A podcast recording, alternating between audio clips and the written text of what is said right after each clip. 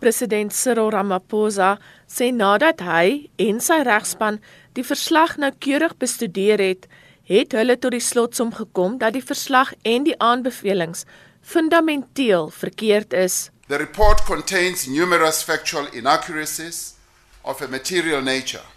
Findings were found are wrong in law, are irrational, and in some instances exceed the scope of the powers of the public protector. Furthermore, in failing to provide me with an opportunity to comment on the proposed remedial action, the public protector has violated the provisions of the Public Protector Act, the Constitution, and the principles of our common law.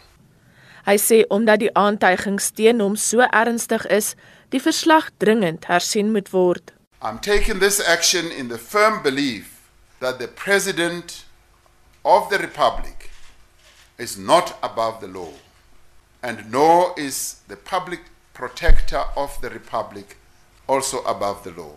The public protector is equally bound by the law and, like the President, is answerable to the provisions of our Constitution. It is therefore appropriate that we place this matter before the courts and that the courts should be allowed to make a determination. Ramaphosa sê die feit dat hy die verslag op hersiening neem, moet nie gesien word as kritiek op die persoon van die openbare beskermer nie. Hy sê hy respekteer al die hoofstuk 9 instellings. I have decided to take this action not only to protect the rights that the Constitution affords me as a person, but also to preserve the integrity of the office that I occupy. I've decided to take this action not out of disrespect for the public protector as a crucial institution of our democracy but in the expectation that the institution will ultimately be strengthened by an independent and impartial judicial review. Ramaphosa sê Suid-Afrikaners hoef nie bekommerd te wees dat die komende regsgeding sy aandag sal aflei van sy werk om 'n einde te bring aan staatskaping, om korrupsie te stop en om die integriteit en geloofwaardigheid van openbare instellings te herstel nie. Ek is Lila Magnus vir SAIK nuus in Pretoria. Vir luisteraars wat die nuus gemis het, president Cyril Ramaphosa gaan die hof nader om 'n verslag van die OB, Bosisiwe Mkhubane dringend te laat hersien en eh, vir meer daaroor en sy interpretasie daaroor praat ons nou met 'n strafregkenner, professor Llewellyn Kalose aan die Universiteit van Pretoria. Goeiemôre. Goeiemôre Anita. Llewellyn, hoe dringend kan so 'n verslag hersien word? Wat is die proses wat nou gevolg moet word? Ja, kyk, ek is nie glad nie verbaas dat dit is presies wat eh uh, president Cyril Ramaphosa eh uh, sal moet doen om natuurlik die hele gemors te probeer beredder nie. Eh uh, so dit was nie dit was nie veel van 'n van 'n van 'n van 'n ding vir ons nie. Ons het dit almal verwag. Die punt is die vraag wat jy vra is kan dit dringend gedoen word. Wel, eh uh, ek dink 'n uh, regter wat wat die hersieningsaansoek gaan aanhoor het natuurlik daai diskresie om te besluit of 'n ding dringend is of nie. Nou die algemene uitgangspunt is gewoonlik in ons reg dat uh jy weet die meeste goed nie dringend is nie, behalwe as dit natuurlik 'n uh, mate van lewe en dood sou daarstel. Uh en wanneer kinders miskien betrokke is, kommersiële dringendheid en staatsbelange se dringendheid, ja, dit kan miskien semi-dringend gesien word, maar nie noodwendig op die hoogste graad van dringendheid nie. Maar jy weet hierdie is 'n landsbelang. Dit is 'n openbare figuur waarvan ons hier so praat. Ons uh jy weet uh miskien in, in die lig van die politieke samestelling uh van die saak en dit wat daarmee uh, die ondertone wat dit inhou kan 'n uh, regter dalk bevind dat dit noodsaaklik is dat daar dringend uh hierdie hierdie hersieningsaansoek aangehoor moet word. So ek dink tog 'n regter gaan miskien bietjie bevooroordeel wees om eerder dringendheid te bevind as om as om dit uit te gooi op daardie basis alleen. Llewellyn Ramaphosa se woordvoerder Kusela Diko sê die president het meer as 'n maand gelede omvattende verslag aan die OB oorhandig.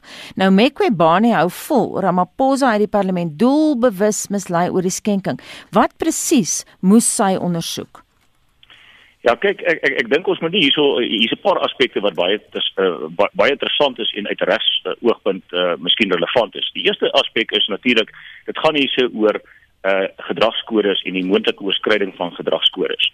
Nou die uh die openbare beskermer het het, het ten minste een ding raak gevat en dit is dat sy vra vir meer deursigtigheid wanneer dit kom by die finansiering van leierskaps uh, binne politieke partye en en dit sluit in onder andere in ook hierdie 440 miljoen of meer uh, wat uh, president Ramaphosa natuurlik gebruik het vir sy CR uh, veldtog om president te word van die land. En as 'n mens streng gesproke daarna kyk ook miskien die van Nkosazana Dlamini Zuma. Uh, en en en selfs voorheen in 2016 uh, kan ons Musi Maimane se voorbeeld ook gebruik. So daar is verskeie voorbeelde, maar daardie is die korrekte interpretasie. Sy vra vir meer deursigtigheid, maar dan maak sy moontlik die die die aanname en die fout dat dit binne die kader val van die oorskryding van die kode van etiek van die uh van die parlement. Want uh, haar interpretasie verskil moontlik van uh, die normale interpretasie daarvan. Sy sê enige persoon met enige belang maak nie saak wat dit is nie direk of indirek openbaar. En dit is nie presies wat hy kode sê nie. Daai kode praat dood eenvoudig jy weet van parlementslede. En dit maak letterlik nie voorsiening op hierdie stadium vir uh, befondsing aan ander instansies wat indirek so 'n persoon sal bevoordeel nie. Byvoorbeeld in hierdie geval van president uh, Ramaphosa is daai geld in die CR uh, uh van uh foundation soos hulle van praat uh, uh, geplaas met ander woorde in 'n ander entiteit wat nie hom direk was nie. Anders sou dit moes geopenbaar het. Nou die vraag is het hy vir die uh, vir die parlement uh, alleen vertel. Op eerste oogopslag lyk dit tog so. Maar nou weer eens, hy het dit reggemaak agterna deur te sê maar hy het hy, hy het nie al die feite tot sy beskikking behoorlik gehad en geïnterpreteer nie en hy het sy klaarblyklike leuen reg probeer stel deur 'n opvolg um uh weet 'n uh, uitspraak. Die probleem is haar argument is as as as 'n uh, openbare beskermer is dat jy kan dit nie doen nie. Dit is alreeds gedane sake. Sorry uh, meneer, ons is jammer vir jou meneer die president. Dit kan nie reggemaak word nie. Herdens in daardie kode en as jy mens spesifiek kyk na die relevante klousules en ek en ek praat spesifiek daarop, jy weet van klousule 10.1.2 en selfs saamgelees met klousule 2.3, dan praat hy van 'n opsetlike 'n uh, misleiding.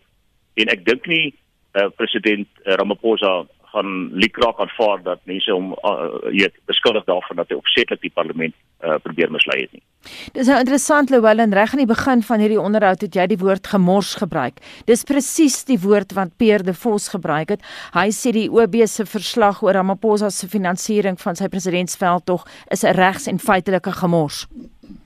Ek sê 100% saam met daardie opmerking en en ek meen dit dit dit dit dit vat nie baie moeilik om dit uh, om dit raak te sien nie. Jy weet daar is sekere aspekte van die verslag wat waaragtig waar goed is. Um, ek het verwys na die hele oproep om deursigtigheid daar te stel. En en ek dink niemand kan daarmee probleem vind nie. Hoe meer deursigtig ons parlementlede is, hoe beter vir ons samelewing as jy my vra. En miskien sal ons wetgewende ingrype nodig hê te aanleiding van hierdie tipe van dinge wat in 'n hof opeindig om dit reg te stel in die toekoms. Maar daarmee saam, jy weet, sit ons met die probleem dat haar analise van president Cyril Ramaphosa se posisie uh jy weet in in terme van die huidige kodes waarna sy verwys in daardie verslag. Daar is dit die probleem. Dan maak sy aantuigings van moontlike ons ons praat van geldwasery hmm. en ander uh aktiwiteite wat na bewering ondersoek moet word. En ek dink ek dink haar jurisdiksionele uh probleme lê juist daarin geleë dat sy nie daardie magte het om sulke dinge te gelas nie.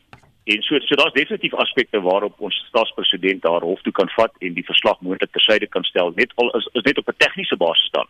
Uh, maar definitief is daar probleme daarmee. Sy haal byvoorbeeld die verkeerde wetgewing aan as sy praat onder andere van geldwasery.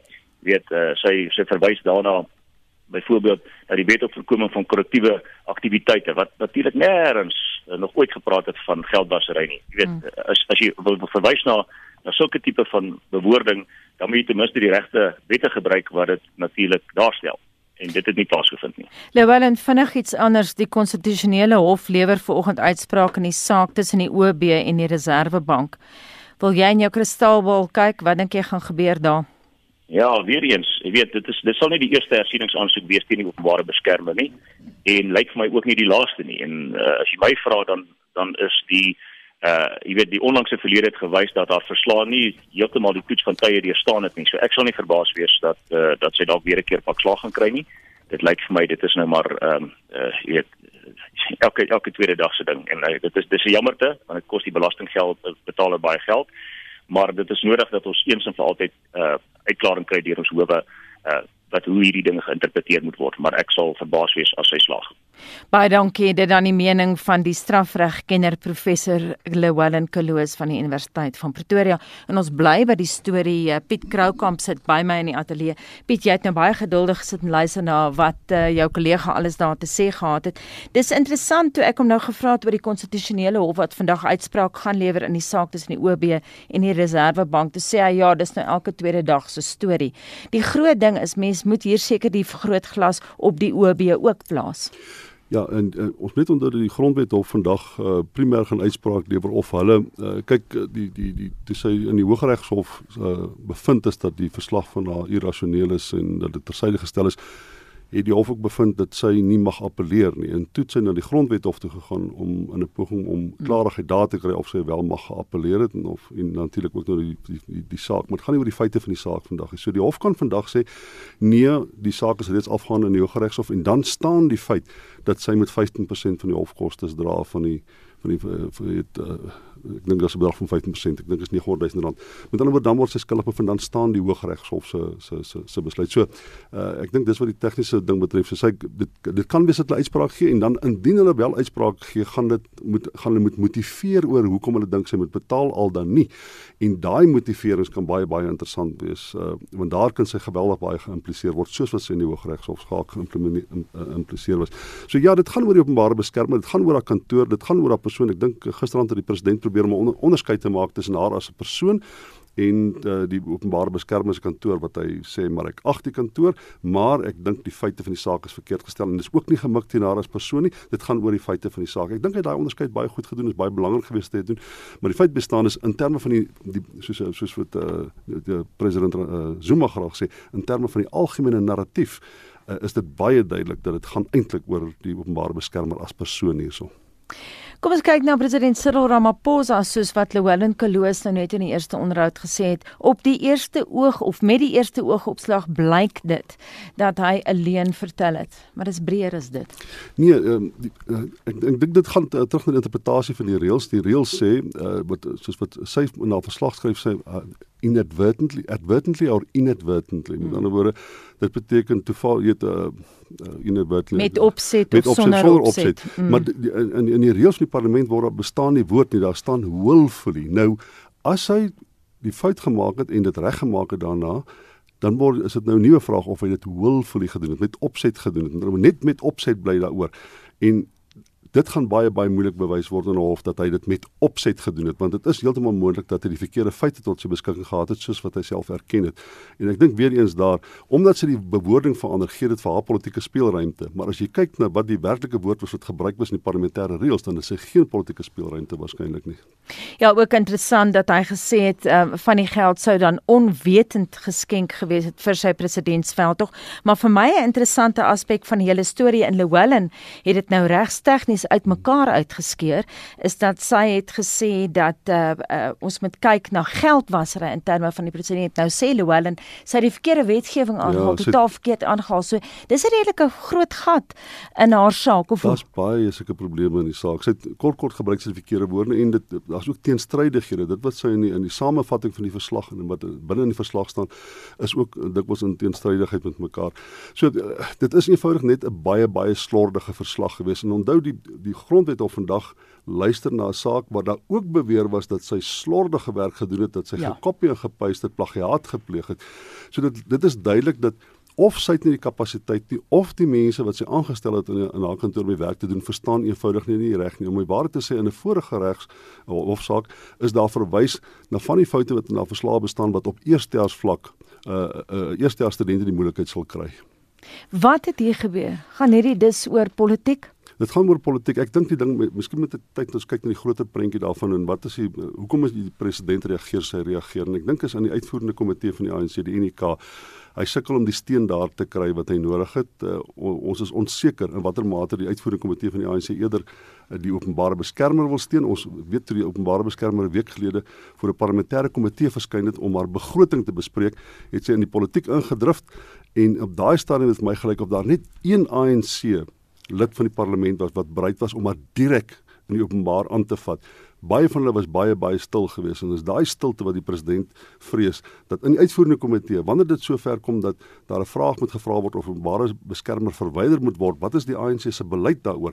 Dan dink ek het hy nie die konsensus wat hy nodig het nie. Wat beteken dit wat hom betref vir die volgende uh 5 6 jaar terwyl sy nog daar's met haar pos is vir 7 jaar nê kan sy die lewe vir hom bitter bitter moeilik maak.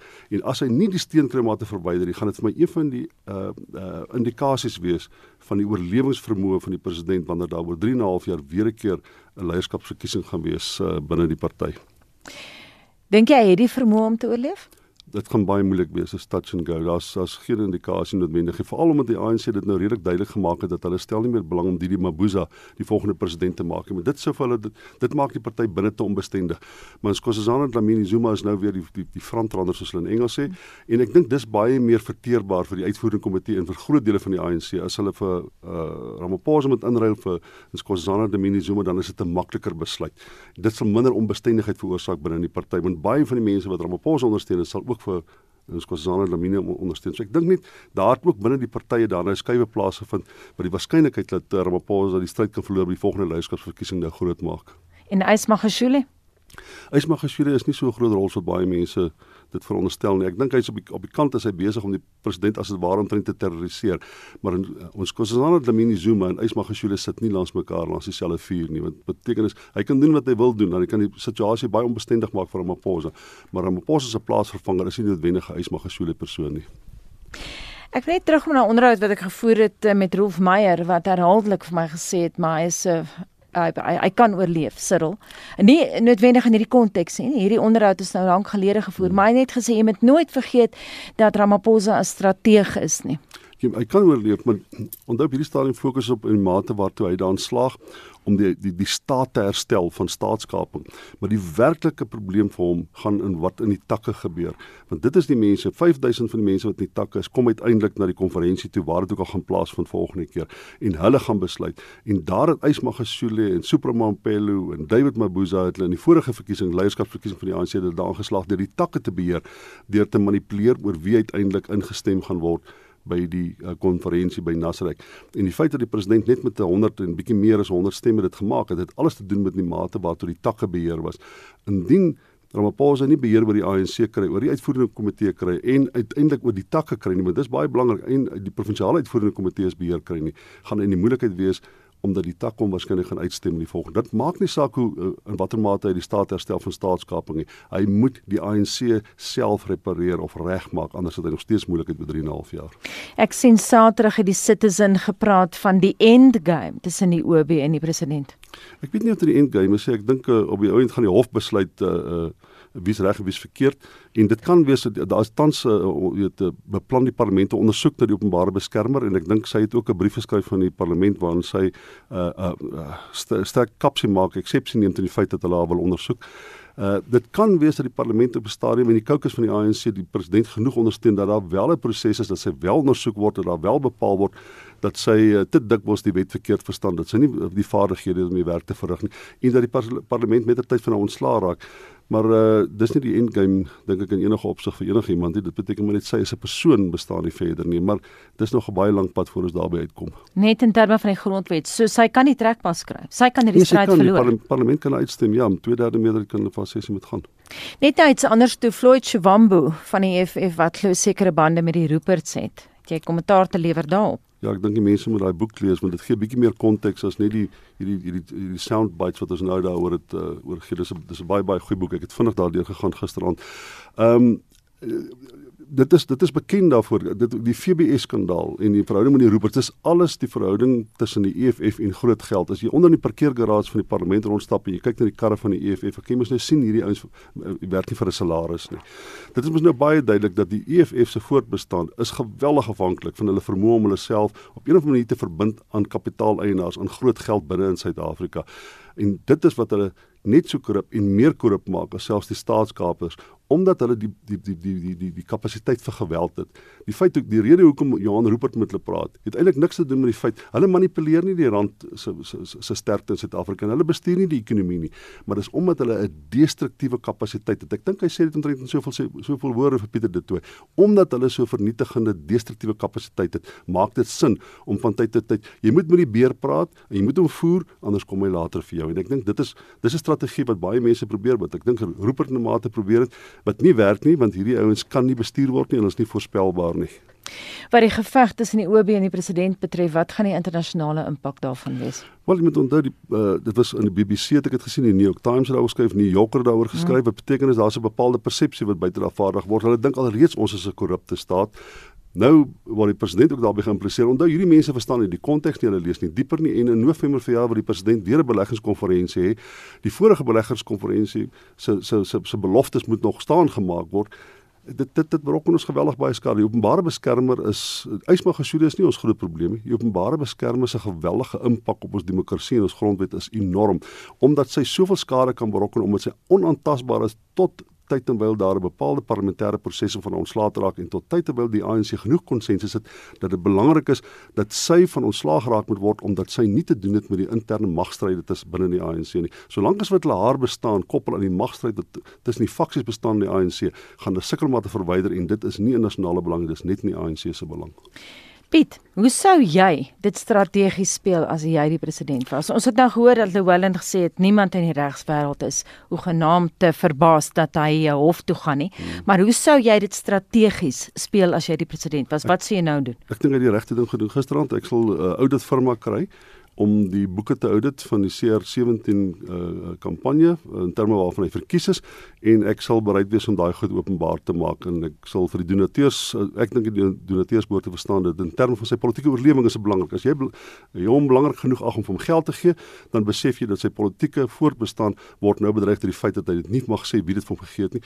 Ek dink hy moet sy boeke laat doen en hy moet openbaar maak so vinnig as moontlik. Dit moet ongelooflik moeilik nou wees die dag tot dag se regeringsake byvoorbeeld die kabinetssittings dit moet moeilik wees met al daai spanning en faksiegevegte hier tussendeur ja en die die, die, die ook die die uitvoerende komitee sittings want ek in die kabinet voel die president redelik veilig. Die mense daar is afhanklik van hom want hy het aangestel as as lede van sy kabinet. Maar in die uitvoerende komitee vergaderings, mense so Tony en Gene hulle is veg met bloed in hulle lippe en op 'n baie kriewyse die president daar. En baie van die mense die president behoort te steun is baie stil in daai vergaderings. Dis nie enkel so Jackson en Tembo en so voort wat bereid is om daar op te staan vir hom. So daai vergaderings moet 'n dreadful ervaring wees vir die president. Dit moet 'n verskriklike onaangename ervaring wees omdat daar so duidelik gemaak word dat daar faksies binne die ANC is in daai uitvoerende komitee en die president sit daar en hy weet nie wat is sy steun? Hy kan nie sê ek het 60% steun van die uitvoerende komitee nie. Hy weet nie. Hy het dit nie oor grond dat hy waarskynlik 'n minderheid steun oor die openbare beskermer vermoed hy kan dalk 'n minderheid steun nie. Daar's ander geval waar hy 'n meerderheid steun het, maar dit gaan oor kwessie van kwessie tot kwessie.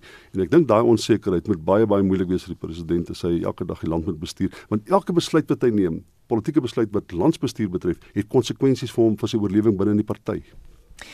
En so sê die politieke ontleder Dr Piet Kroukamp verbonde aan die Noordwes Universiteit.